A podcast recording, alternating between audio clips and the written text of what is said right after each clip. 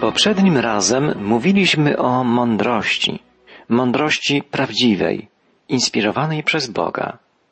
Pamiętamy, że Jakub pisał o mądrości, iż pochodzi z góry, iż jest czysta, łagodna, pełna miłosierdzia i dobrych owoców, że jest miłująca pokój, ustępliwa, niestronnicza, nieobłudna.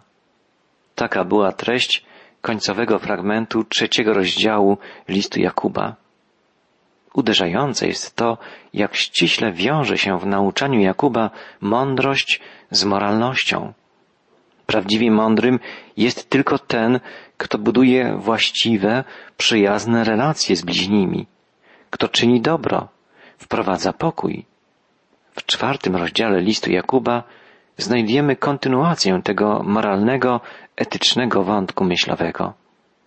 Przeczytajmy początkowe słowa czwartego rozdziału listu Jakuba. Skąd się biorą wojny i skąd walki wśród was? Czy nie z tych waszych namiętności, które rozbijają was wewnętrznie? Pożądacie, a nie macie. Zabijacie i zazdrościcie, a nie możecie osiągnąć. Kłócicie się i walczycie. Nie macie, ponieważ nie prosicie. Prosicie, a nie otrzymujecie, ponieważ źle prosicie, gdyż staracie się jedynie o zaspokojenie waszych namiętności. Jakub stawia swoim czytelnikom bardzo trudne, zasadnicze pytania. Czy celem waszego życia jest poddanie woli Bożej, czy jedynie zaspokajanie swoich namiętności przyjemnościami tego świata? Jeżeli stylem życia jest pogoń za przyjemnościami, to skutkiem takiego postępowania na pewno będzie niezgoda, nienawiść i wewnętrzne podziały. Pogoń za przyjemnościami prowadzi do sporów i do walki. Gorączkowe uganianie się za przyjemnościami podobne jest do długotrwałych wojen pozycyjnych czy nagłych wybuchów wrogości podobnych do bitew wojennych. Tak określa to apostoł Jakub. Patrząc na społeczeństwo ludzkie, często obserwujemy wybuchy niesnasek i nienawiści na bardzo szeroką skalę. Zwróćmy uwagę na ciągłą wojnę prowadzoną nawet w okresie pokoju, która trwa nie tylko między narodami, pomiędzy krajami, miastami, ale też i pomiędzy poszczególnymi domami, rodzinami. A więc każdy człowiek może być do niej włączony. Zwróćmy uwagę na huragan szalejący w ludzkich duszach, wywołany ciągłym pośpiechem, ciągłym dążeniem do zdobycia czegoś więcej. Możemy się zastanawiać, czy w czasie takiej burzy ktoś może zachować wewnętrzny pokój, pielęgnować pogodę ducha na tak wzburzonym morzu. Źródłem tego nieustannego konfliktu jest nic innego, jak tylko nasze ludzkie namiętności. Gdy zastanowimy się głębiej nad motywami swoich działań, musimy stwierdzić, że kierują nami najczęściej nasze pragnienia. To, co chcemy osiągnąć, to, co chcemy mieć, decyduje o tym, co robimy, jak postępujemy. Musimy zadać sobie bardzo szczerze pytanie, czy w życiu na co dzień staramy się szukać woli Boga, czy też kierujemy się jedynie egoistycznymi pobudkami, swoimi pragnieniami, swoimi namiętnościami. Apostoł Jakub używa bardzo twardych słów.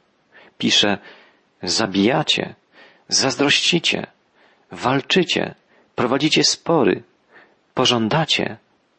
Pogoń za przyjemnościami prowadzi do takiego właśnie sposobu życia, do sporów, do walki.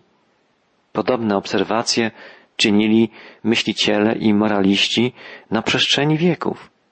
Na przykład czytamy w pismach Filona, iż głównym zadaniem dziesięciorga przykazań jest ograniczenie pożądliwości, pragnień, ponieważ żądza jest najgorszą ze wszystkich namiętności duszy. Czyż to nie z powodu tej namiętności łamane są zasady współżycia? Dobra wola zastąpiona wrogością, a wielkie kraje rozrywane wewnętrznymi niepokojami? Lądy i morza są pełne niebezpieczeństw z powodu ciągłych wojen. Prowadzące do tragedii wojny wypływają z jednego źródła z pragnienia pieniędzy, bogactwa, chwały lub przyjemności. W walce o te rzeczy rodzaj ludzki traci zmysły. To wypowiedź wybitnego myśliciela Filona. A inny pisarz, myśliciel, Lukian napisał wszystko spadające na człowieka zło, rewolucje, wojny, oszustwa, zabójstwa wynikają z porządliwości. Ich zasadniczym źródłem jest pragnienie czegoś więcej i więcej. Platon, starożytny grecki filozof, napisał wojny, rewolucje i bitwy nie wynikają z niczego innego, jak tylko z ciała i jego pragnień. Cyceron napisał, to niezaspokojone pragnienie zniewala nie tylko poszczególnych ludzi, ale całe rodziny, które prowadzą do upadku państwa. Żądza jest źródłem nienawiści, nieporządku, buntu, wojen, rozerwania, kłótni, złości. Porządliwość jest korzeniem wszelkiego zła, które rujnuje życie ludzi i dzieli ich.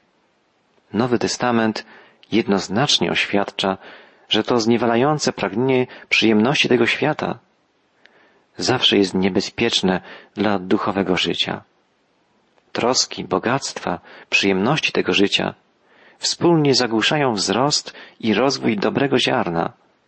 Tak czytamy na przykład w Ewangelii Łukasza w ósmym rozdziale. Przyjemności tego życia i bogactwa zagłuszają wzrost dobrego ziarna, którym jest Słowo Boże. Przez człowieka, który staje się niewolnikiem porządliwości i rozkoszy, do życia wkracza zło, przewrotność i nienawiść. Tak czytamy na przykład w liście do Tytusa w trzecim rozdziale. Wszystko w życiu zależy od tego, komu chcemy dogadzać samym sobie czy Bogu.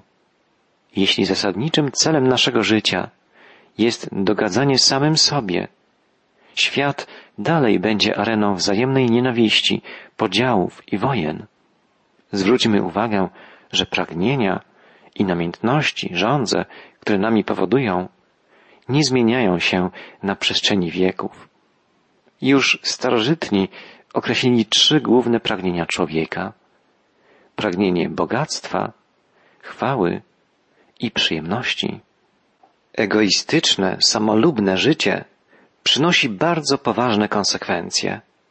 Jakub pisze o sporach, o walce, o zazdrości, o nienawiści. Ludzie ze złością rzucają się na siebie. Namiętności, jak pisze Jakub, są wojowniczymi mocami. Nie chodzi o to, że prowadzą one wojnę wewnątrz człowieka, chociaż i to jest prawdą. Ale przede wszystkim prowadzą ludzi do wzajemnych nieporozumień i walk. Zasadniczo porządliwości, namiętności są skierowane na posiadanie więcej pieniędzy, więcej bogactwa, rozporządzanie większym autorytetem, posiadanie wielu bogactw materialnych, a także w pewnym sensie duchowych, pełniejsze zaspokojenie potrzeb cielesnych. Gdy wszyscy ludzie usiłują posiadać te same rzeczy, życie staje się polem walki. Dążąc do zdobycia uprawnionej rzeczy, ludzie obalają się nawzajem, tratują się, niszczą, przepychają się łokciami, idąc poprzez życie. Potrafią zrobić wszystko, żeby wyeliminować rywala. Posłuszeństwo woli Boga zbliża ludzi do siebie, gdyż wola Boga nakazuje im kochać się nawzajem, służyć sobie wzajemnie. Poddanie się natomiast pędowi za przyjemnościami oddala ludzi od siebie, ponieważ prowadzi ich do walki na kły i na pazury, o rzeczy przez wszystkich pożądane. Pożądanie przyjemności prowadzi ludzi do haniebnych czynów. Popycha ich do zawieści, wrogości, czasem nawet do morderstwa. Zanim człowiek popełni jakiś czyn, w jego sercu najpierw musi pojawić się określone uczucie. Może ono powstrzymywać się od pewnych kroków, do których skłania go pragnienie zaspokojenia przyjemności. Jak długo jednak pragnienie to znajduje się w jego sercu, nie może on czuć się bezpieczny. W każdej chwili pragnienie takie może wybuchnąć w postaci zgubnego działania. Proces ten przebiega w bardzo prosty sposób. Człowiek pielęgnuje w sobie pragnienie posiadania czegoś. Stopniowo pragnienie to stara się zawładnąć jego myślami. Nie zdając sobie z tego sprawy, myśli o tej rzeczy w chwilach zadumy, śni o niej w czasie odpoczynku. Przedmiot pożądania staje się po prostu główną pasją jego życia. Wyobraźnia układa różne sposoby zdobycia tego, co jest obiektem pragnień. Może tu również wchodzić w rachubę wyeliminowanie tych, którzy stoją na drodze do osiągnięcia tego celu.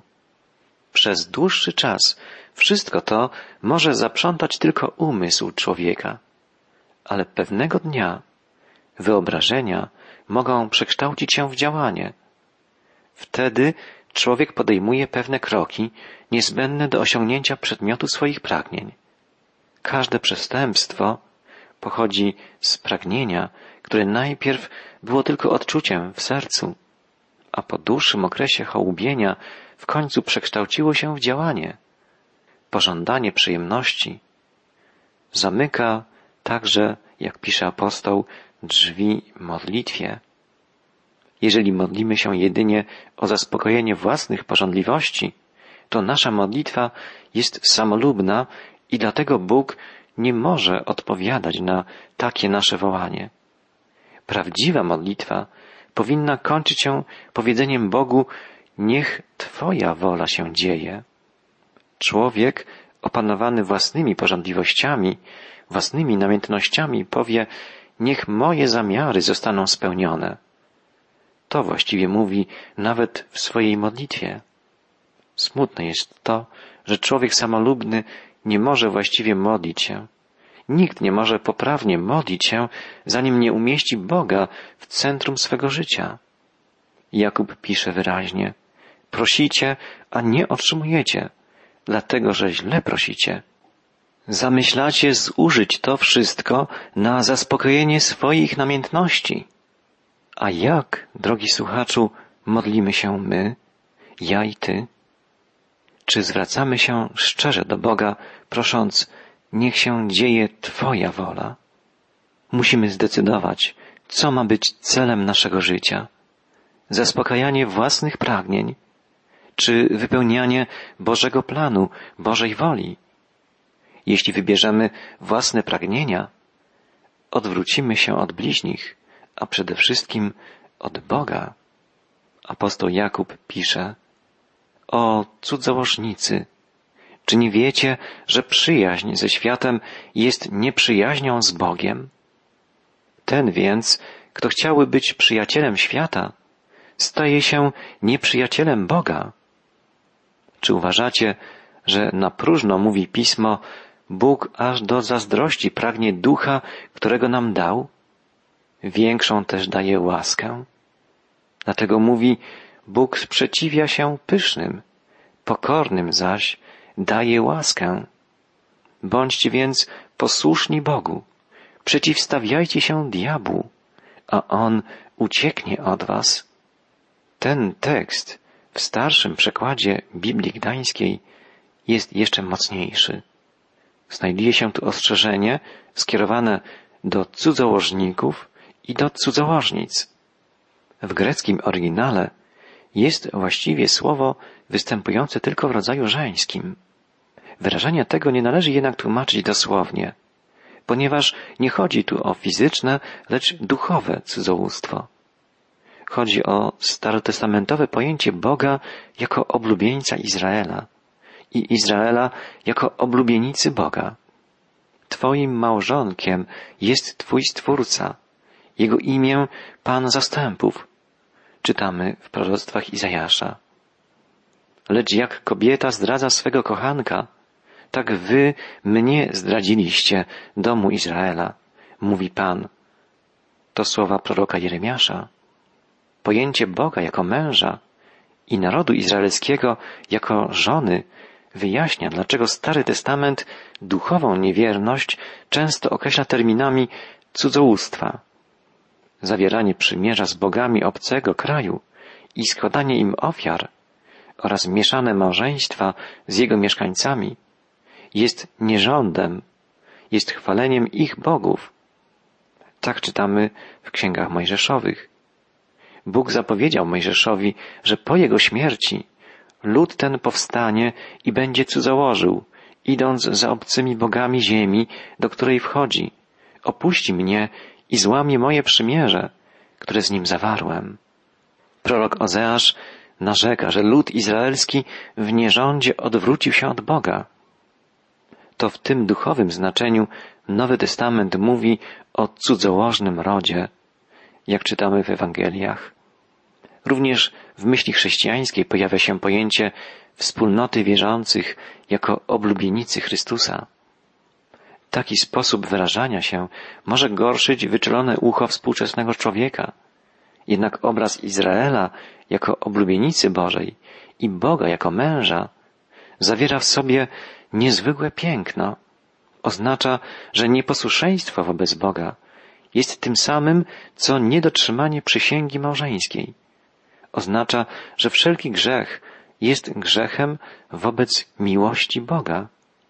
Nasze relacje z Bogiem nie są takie jak między królem i jego poddanymi, albo panem i jego niewolnikami, lecz są zażyłe i intymne, jak więź pomiędzy mężem i żoną. Znaczy to, że każdy nasz grzech rani serce Boga, tak jak każde niewłaściwe zachowanie się jednego ze współmałżonków zadaje ból drugiemu. Nasza więź z Bogiem to więź miłości, bardzo intymna, bardzo bliska. Czy tak jest rzeczywiście w naszym życiu? I czy zdajemy sobie sprawę, jak bardzo ranimy Boga, gdy postępujemy samolubnie, gdy okazujemy Mu niewierność? Apostoł Jakub pisze, czy nie wiecie, że przyjaźń ze światem jest nieprzyjaźnią z Bogiem? Ten, kto chciałby być przyjacielem świata, staje się nieprzyjacielem Boga. Przyjaźń ze światem to wrogość wobec Boga, stwierdza Jakub. Ma na myśli cały system wartości ukształtowany przez człowieka, zbudowany na egoizmie, na namiętnościach, na zazdrości, kłótniach, walce. Okazywanie miłości wobec tak rozumianego świata jest przejawem wrogości wobec Boga. A ten, kto jest przyjacielem świata, przez to samo staje się wrogiem Boga. Ważne jest, żebyśmy dobrze zrozumieli te słowa. Jakub nie wyraża tu pogardy względem świata. Nie pisze z takiego punktu widzenia, według którego Ziemia jest ponurą pustynią, a cały naturalny świat jak gdyby czarną plamą. Istnieje opowiadanie o pewnym purytaninie, który wraz ze swoim przyjacielem przechadzał się polną drogą. Wskazując na piękny kwiat przy drodze, przyjaciel powiedział, patrz, jaki wspaniały kwiat. Wtedy ów purytanin powiedział, niczego w tym zgubionym i grzesznym świecie nie uważam za piękne. To nie chodzi o taką postawę. Jakub nie podziela tego zdania.